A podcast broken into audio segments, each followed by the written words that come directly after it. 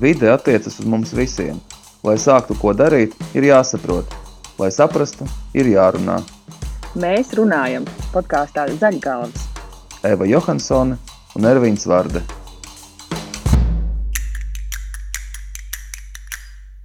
Sveiki! Jūs klausāties podkāstu Zaļgalvis, kuru vada Eva Johansone un es Ervīns Vārde. Un mūsu šodienas viesis ir Kristīna Garklāva, Kristīna, tad es, es arī kā žurnālists, tev kolēģi savā ziņā varētu uzdot šo jautājumu, varbūt pastāsti par sevi vairāk, kas tu esi, jo skaidrs, ka Daudzi zina tevi, tur bija skaistas fotografijas, gan Instagram, gan tu ļoti uztraucies par uh, vidas aizsardzības tematiem, ko var redzēt arī 900 sekundēs. Un, uh, es atceros, reiz man stāstīja Gonta Gaita Māviča, kolēģi Latvijas televīzijā, ka viņi savulaik strādājot kopā ar tevi, atceras, ka tu biji cilvēks, kurš vienmēr, vienmēr un jau sen, kad tas vēl nebija modē, meklēja veidus, kā pārstrādāt eh, daudzās papīra lapas, ko diktori izdrukā. Tad es saprotu, ka tu principā esi um, tāds žurnālists ar mežu eh, sirdī. Jā, laikam jau tā varētu teikt. Un es pat nezinu, vai es varētu pateikt kaut ko, kaut ko, kaut ko citu. Un gribētos teikt, ka es gluži tāpat kā, kā, kā jūs abi. Nu, esmu tāda dabas daļa, jo es, man nepatīk runāt par cilvēku kā atrautu no dabas vienību. Uh, es kaut kā visu to saskatu vairāk tādā kopumā. Un, laikam tas arī būtu tas. Nu, tas ir, tu patiesībā sakot, tev, tu jau visu pateici.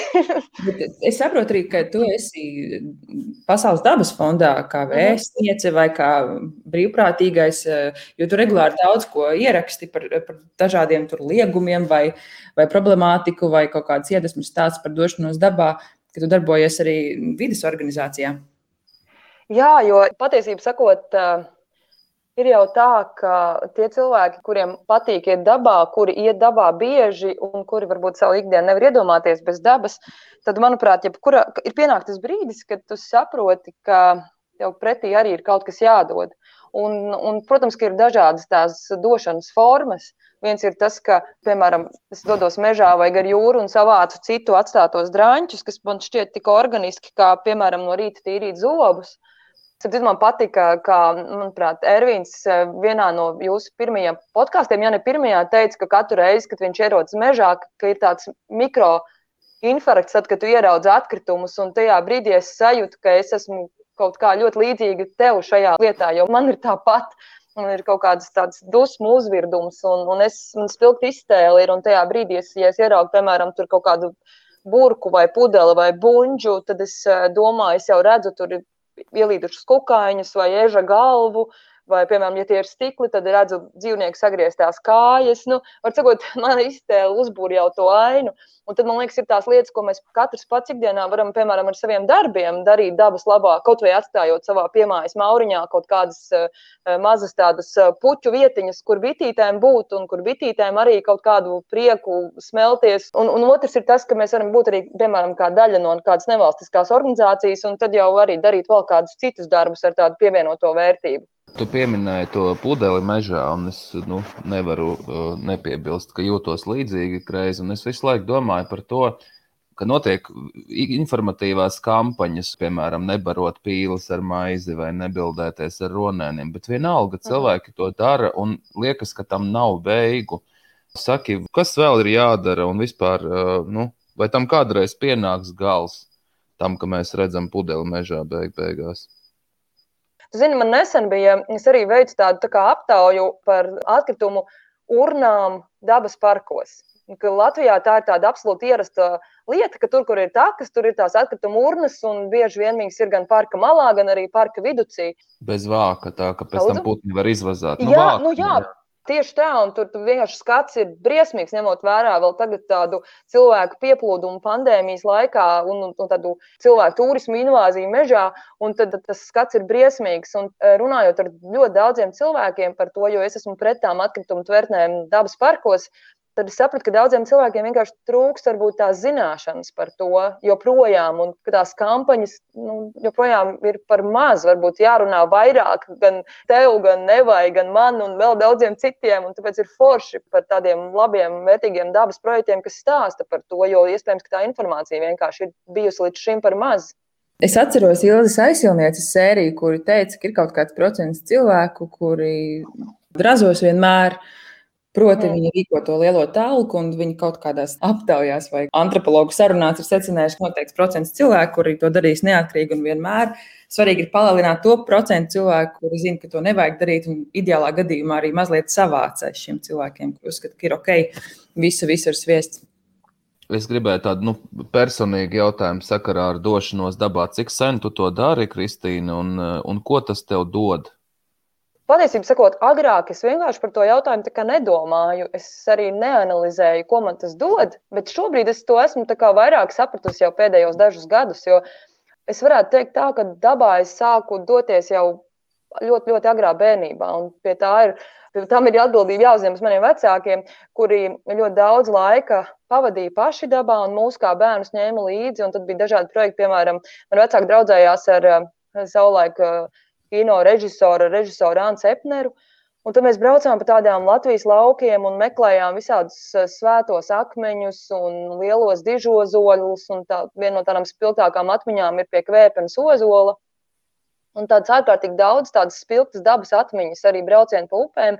Un tajā laikā tā daba, varbūt man kā bērnam, bija vairāk kā tāds rotaļu objekts. Es tiešām nedomāju, piemēram, par ozola kaut kādu tādu virsvērtību, kā, kā es uz to koku skatos, piemēram, šobrīd. Tajā laikā tas bija koks, kas smuki izskatās un ir foršs, un tad vairāk bērni domā, kā tur uzcelt to štābiņu. Un tad, un tad tagad, uh, laikam, ritot, tā, tā vēlme doties dabā nekur nav pazudusi.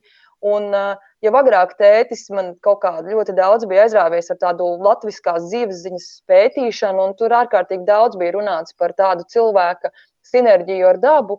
Un laikam jau tās bērnības sarunas iespējams ir tas, kas ir veidojis kaut kādu sajūtu un priekšstatu par to, kā, kā mums būtu jābūt dabā, kā būtu jāveido attiecības ar to. Bet tagad tu saki, ka tu domā par to, ko tas tev dod. Jā, tagad es domāju, jo es saprotu, ka tā ir tāda kliedzoša nepieciešamība un vajadzība. Man, man šeit vispār ir tādi daudz radoši cilvēki, kas, man liekas, Eva, tu jau vari tāda pati. Es, es, Ervīna, es tevi tik labi nepazīstu, bet domāju, tev varbūt līdzīgi, ka citreiz tā, tā, tas ikdienas troksnis, tas kļūst tik liels, ka tas mežs ir patiesībā sakot tāda egoistiska vēlme aiziet, pazust un, un vienkārši būt tajā brīdī tur. Un kaut kā jau tajā mirklī ieejot tajā mežā, kļūst vieglāk un labāk. Man, starp citu, uz sestdienu, jūs te pieminējāt, um, iepriekš mēs runājām par sniegu, kad tagad Rīgā šodien tā traki sniega, un es tās laustās kājas nebiju pieredzējusi sniegu īsti šajā gadā, jo visu laiku biju mājās, un tad sestdien man bija tikko noņemts ģipsis, un es aizbraucu uz tādu mežu, kur uz taku, uz kuras esmu gājis jau simtiem reižu, tiešām nepārspīlējot noteikti vairāk kā simt reižu. Un ejot caur šo taku, kas man ir viena no mīļākajām, es eju un katrs solis man ejot ir nu, caur sāpēm, tāpēc ka tā ir pēc lūzumiem. Liekot to kāju, es eju, eju tajā mežā, un pēkšņi es saprotu, ka man vairs nesāp. Man vienkārši vairs nesāp, un es vienkārši no tās laimes, ka es esmu tajā mežā, man vairs nesāp. Un tajā mirklī, kad es iedomājos par to, ka man vairs nesāp, man atkal sāk, protams, sāpēt, bet es sapratu, cik tas mežs ir dziedniecisks eh, visās nozīmēs, vismaz man. Kura ir tā taka, ja nav noslēpums? Tā, tā, tā, zini, kā, tā ir tāda taka, kas nav kā taka.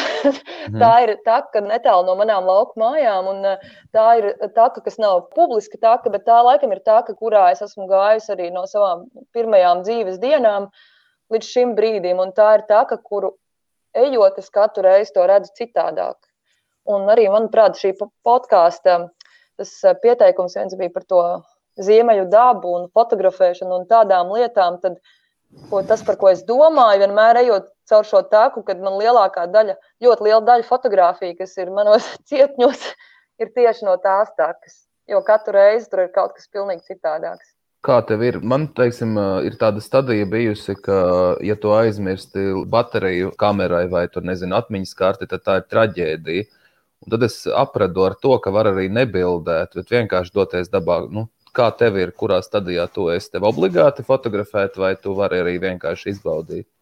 Tu jau zini, man tā traģēdija ir tāpēc, ka parasti tad arī tev kaut kur kādā zarā sēž, piemēram, kāds putns, ko tu būtu gribējis nobildēt. mm. nu, tieši tas arī likumsakrīgi notiek tā, ka kaut kas ir tāds, ko gribas nobildēt. Bet es arī mācos to vairs neustvert kā traģēdiju, bet, bet vienkārši piedzīvot to. Bet jāatzīst, nu, ka nevienmēr tas ir tik vienkārši, jo gribas kaut kā ieslodzīt to skaistumu, ko tu redzi. Un tad bieži vien nepietiek tikai ar to savu acu skatu vai atmiņu, bet mācos, es patiesībā sakot, līdzīgi kā tu, arī pieņem to, ka pietiek ar to savu to acu skatienu un to savu vienkārši būšanu konkrētajā mirklī. Jo tomēr, tad, kad mums ir fotoaparāts līdzi, tu it kā esi, bet nē, esi. Tu reizē esi kā tāds mēdījis kaut kādā mērā. Bet jā, tas ir arī temats, par ko es esmu aizdomājusies. Es vienkārši nu, ar to esmu saskāries tādā kontekstā, ka tie, kas sāk fotografēt nu, tos pašus putnus, viņi prasa, nu, cik tu stundas pavadīji šajā visā procesā, tad nu, milzu daudzumu stundu tas ir absolūti iracionāli un prasa milzīgu pacietību. Un, ja tu fokusēsies uz mērķi, tu ļoti ātri vilsies. Un tāpēc es kaut kad lasot par putnu fotografēšanu, pašā aizraušanās sākumā uzgāju tādu tekstu, ka labāk noskaņoties uz neveiksmēm. Un tā, tā ir tiešām veselīga būšana šajā visā. Patiešām tas, tas vienkārši nu, tas nav tā vērts. Tu jau nezini, tas vanaks tur sēdēs vēl sekundi, vai desmit, vai piecdesmit. Un, nu, labāk vienkārši izbaudīt. Bet, protams, ka nu, ir azarts un nu, ir tāpat reizēm vilšanās, ka nesanāk. Es nezinu, vai Evai te ir ko piebilst, bet nu, tu precīzi īstenībā noformulēji šo, es varētu no tevis nozagt. Jo, manuprāt, es vienmēr fo fokusējos uz neveiksmi, jo es ļoti bieži eju dabā ar bērniem, un ejot kopā ar man ir divi dēli, ejot kopā ar diviem dēliem, viņiem, protams, mežs ir rotaļlaukums. Un tajā brīdī, kad, kad es viņiem saku, hei, Džeki, Džeki, tagad klusu, es tur tālumā redzu kaut ko, kas kustās. Protams, ka viņiem tajā brīdī ir arī savs viedoklis un savs uh, balss tembrs, kas viņiem ir jāapsaka. Un tādu ilgstošu klusumu noturēt ir diezgan grūti. Tāpēc man vienmēr ir jāpaļaujas uz kaut kādu tādu veiksmi. Un citreiz arī tā veiksme kaut kā, kaut kā pati tiešām uzrodas arī tajā ne īpaši klusajā mežā došanās reizē. Bet ļoti bieži man liekas, ir tādas situācijas, ka man pārsvarā tās bildes, ņemot vērā to, to ikdienas ritmu, ir tādas, ka es arī, te, arī ar to lausto kāju sēdēju mājās un trāpījās vistu vanaks pie loga, kurš eh, Rīgā, kurš ēda savas pusdienas, vai sarkankrūtītis, vai kaut kāds pilsētā ieskrējas stirniņa. Tas man šķiet ir tāds labs atgādinājums par to, ka mēs eh, patiesībā sakot, ikdienā neskatāmies. Līdzīgi kā zinām, ka Rīgas centrā ir simtiem jūgenstila ēku, bet eh, ikdienā mēs tam tās acis uz augšu nepaceļam. Un tāpat arī ir dabā, ka tas pats mums te viss ir blakus, bet mēs pat to neredzam, nu, īsti neieraugam. Jo arī Vāveres eh, kaut kad pirms dažām dienām bildēja, kā Vāveres eh, dzenā Vārnas pilsētā. Nu, tas, tas ir tepat pilsētā, tas ir tepat blakus pa logu. Vienkārši ja ir jautājums par to, vai cilvēks skatās vai ieskatās tajā, kas notiek dabā. Šo es tik ļoti labi saprotu, ka varētu zvērēt uz grāmatas ar šādu nosaukumu. Es uh, ikdienā eju uz kapiem, un tur arī tas viss ir ļoti manāms, ka tu kādu atved līdzi. Tad parasti es pamanu to vāveri vai sīli vai vanagu, jo cilvēks nav pieradis. Uh mhm. -huh. Viņam nav tāds fokus, un tad viņš saka, nu kā, kā tu atrodi? Nu kā, nu tas ir tepat, tas ir soļu attālumā vienkārši, ja tu uh, paklusē minūti, tu jau redzi vairāk. Nu, ar, ar bērniem ir atsevišķs tās, un pieaugušie nebūtu nelabāk uzvedas bieži vien. Bet tiem, kuri klausās šo visu un īsti nekad nav bijuši dabas takās vai nav tā apzināti gājuši dabā, varbūt kas ir tie noteikumi vai, vai kaut kādi pirmie soļi, ko tu, Kristīne, ieteiktu, un lai tā arī būtu draudzīga dabā iešana? Kas ir tie principi, varbūt, kas ir jāievēro vai kā jāgatavojas ejot dabā? Manuprāt, tas arī ir jau par to klusumu mežā. Es nezinu, Eva, tu atceries, ka, piemēram, skolā vai bērnu dārzā savulaik bērniem teica, nu, tu nebļausties, lūdzu, te ej izbļausties mežā. Un tas man šķiet ir viens no tādiem pamatu likumiem, ko vajadzētu mēģināt eh, gan pieaugušajiem eh, saprast, gan arī mācīt bērniem, ka mežs, nu, mežs ir laba vieta rotaļām, bet pēc skaļi bļaustīties mežā tomēr arī nevajadzētu. Jo mēs esam aizgājuši uz vietu, kur, eh, kas ir citiem, citiem mājas.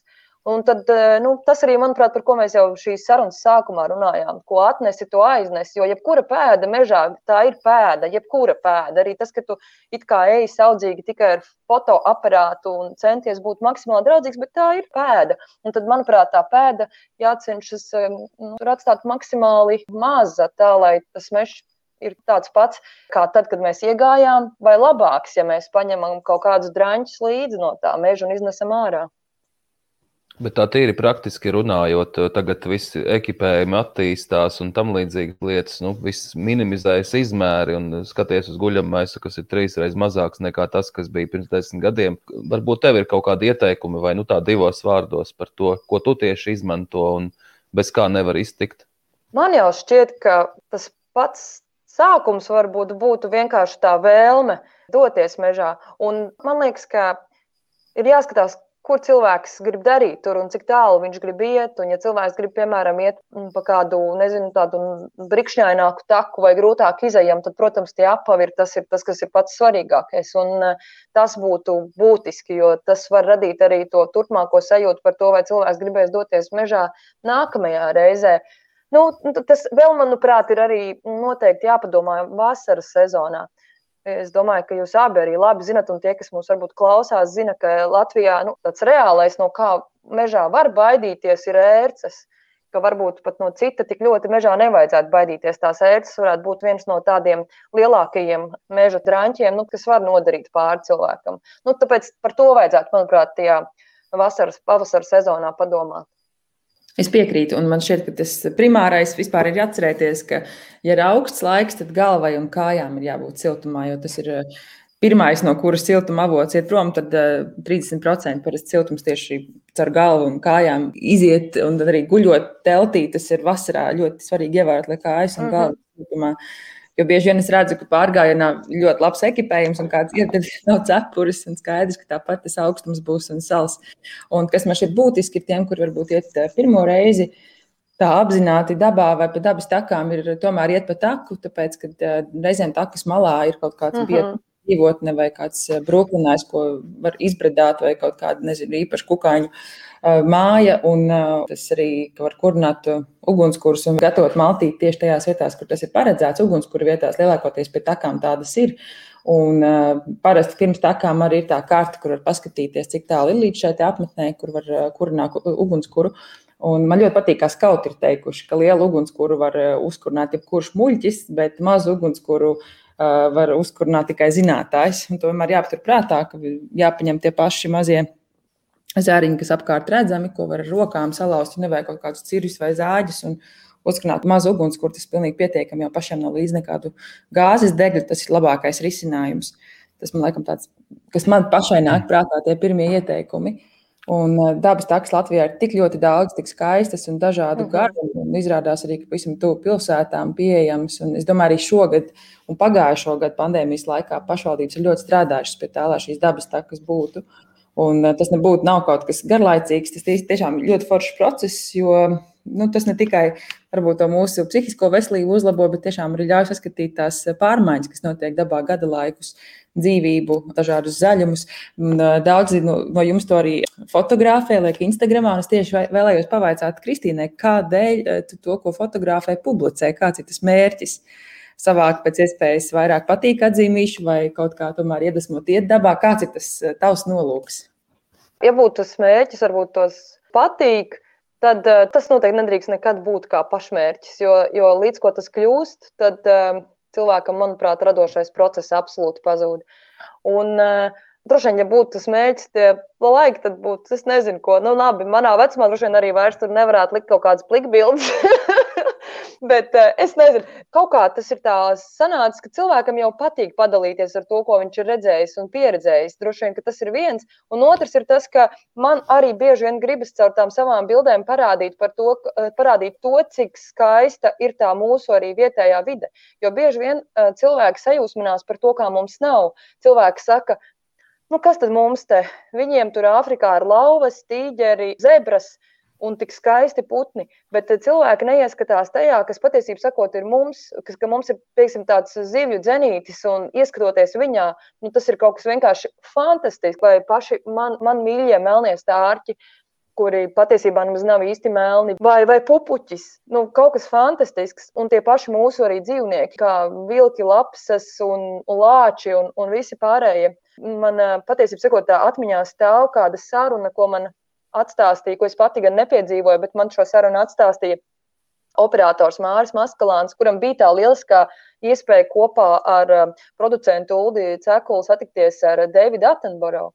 Un viņi viņam bija jautājuši, kāpēc jūs tik maz stāstat par dabu, kas ir piemēram Baltijas valstīs, jo mums taču te ir tik skaisti un tā. Un tad Deivids Attenboro bija sacījis, ka viņš saprot, un viņš saprot to jautājumu arī, viņš būtu gribējis, lai stāsta vairāk, bet tā, teiksim, tā Āfrika ir vieglāk pieejama vieglāk filmējama, vieglāk stāstāma. Un mums, piemēram, nu, Ervīns ļoti labi zina, e, viņš ir bijis slēpņos, viņš zina, cik grūti ir, piemēram, nofotografēt e, kādu konkrētu putnu, kuru tu esi iedomājies nofotografēt, vai dzīvnieku, vai vilku, piemēram. Tas ir gandrīz principā nereāli, nu, ļoti grūti. Un to pašu melno stāķi, piemēram, nofotografēt tā vienkārši brīvā dabā, tas arī nav nemaz tik vienkārši. O, jā, tas ne tikai nav vienkārši, bet tas ir nu, vienkārši Sīzifa darbs. Bet es gribētu piebilst tādu lietu, ka es skatījos interviju ar kādu dabas parka pārzini, kas bija Sibīrijā. Milzīgs dabas parks, un pie viņa atbrauca kaut kāda filmēšanas grupa no ārzemēm un, un sacīja, ka vēlas nofilmēt, kā uh, vilks plosa tur kaut kādu medījumu vai tur uzbrūk, un lācis kaut kam uzbrūk. Un tas pārziņš teica, ka viņš strādā 35 gadus un nekad neko tam līdzīgu nav redzējis. Un ka, kā jūs vispār grasties to nodrošināt, un priekš kam tieši to? Un viņi atbildēja, jo vardarbība un, un seks interesē cilvēkus.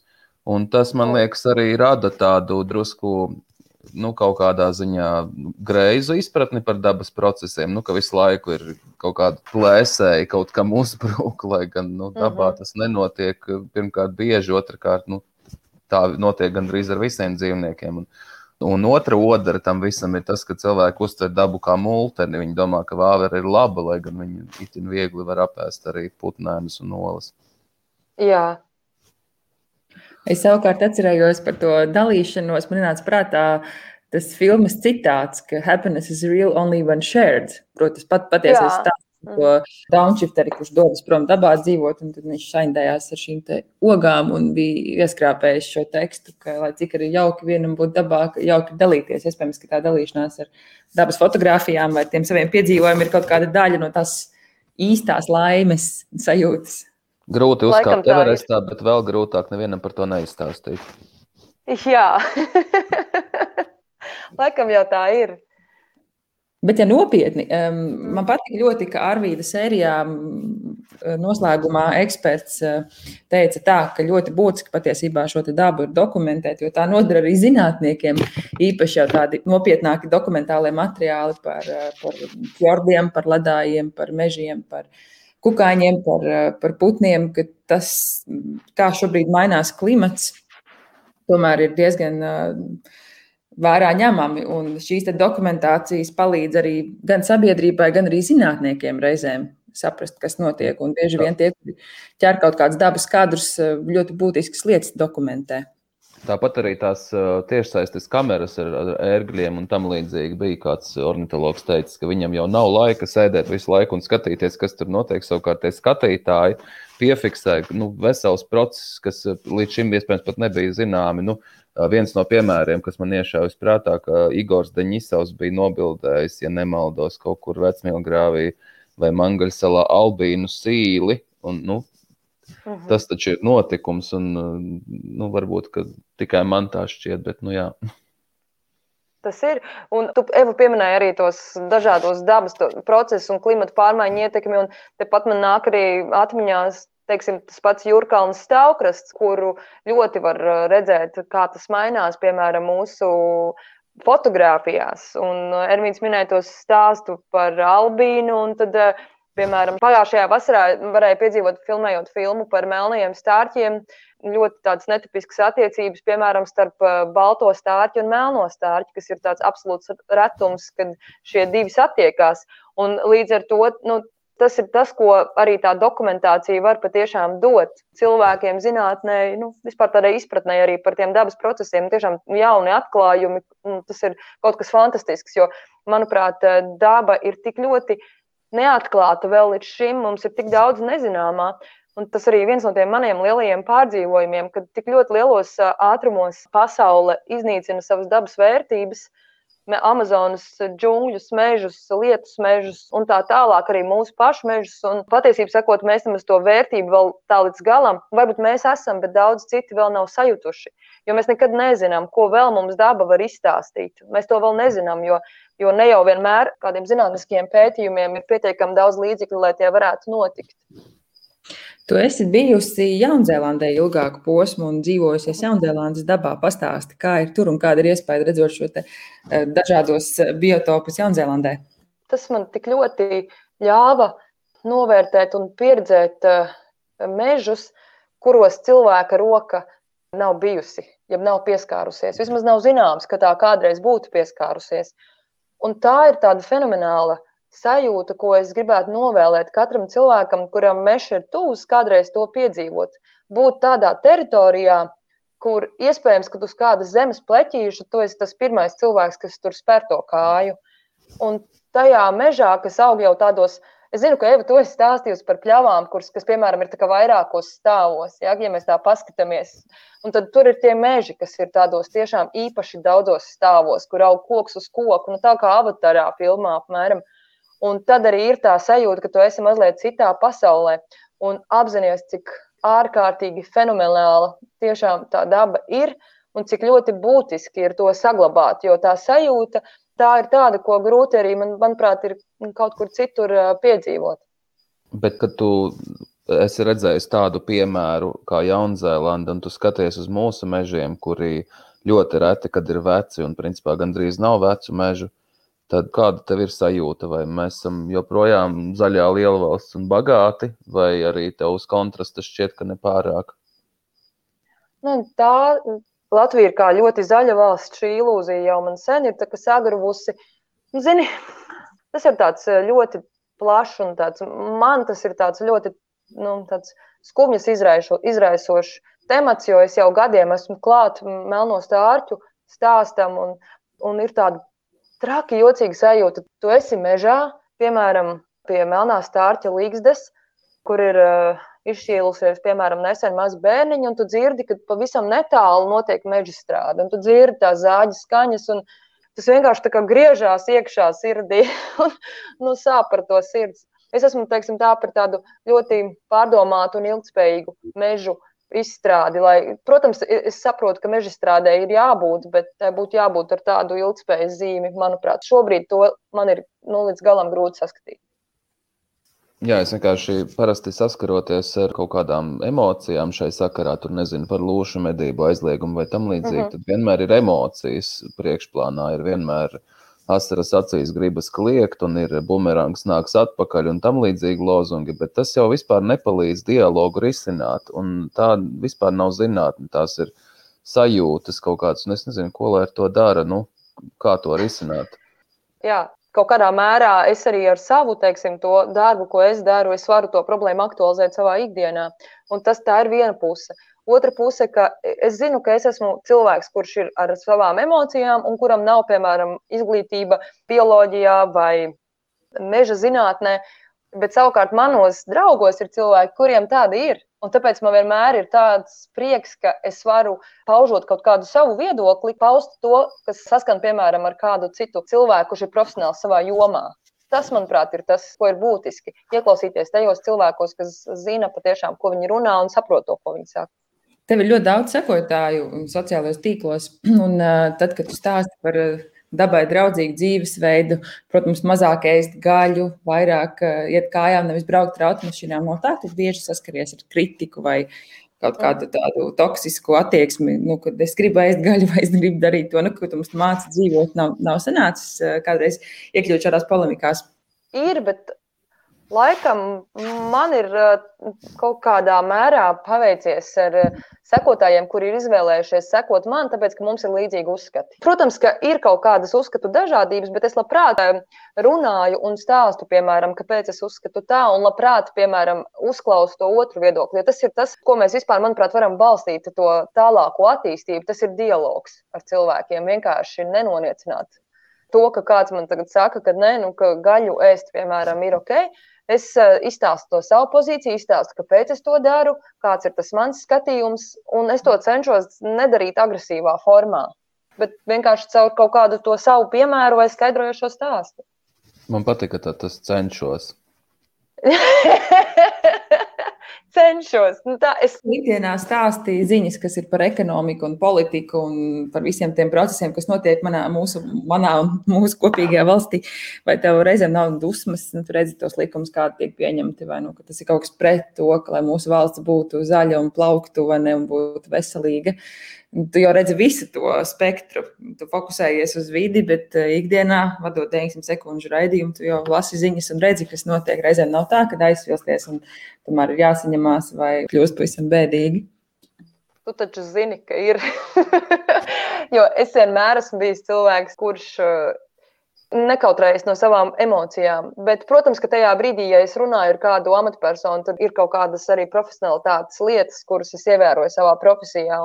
Tā es arī rīkojos attiecīgi tā, kā konkrētajā brīdī ir jābūt. Bet tas, protams, neizslēdz to, ka ir iekšējās dusmas. Man bieži vien arī patīk ar intervējumiem cilvēkiem, nu, ka tas bija iespējams ne pandēmijas laikā parunāts pirms un pēc intervijas.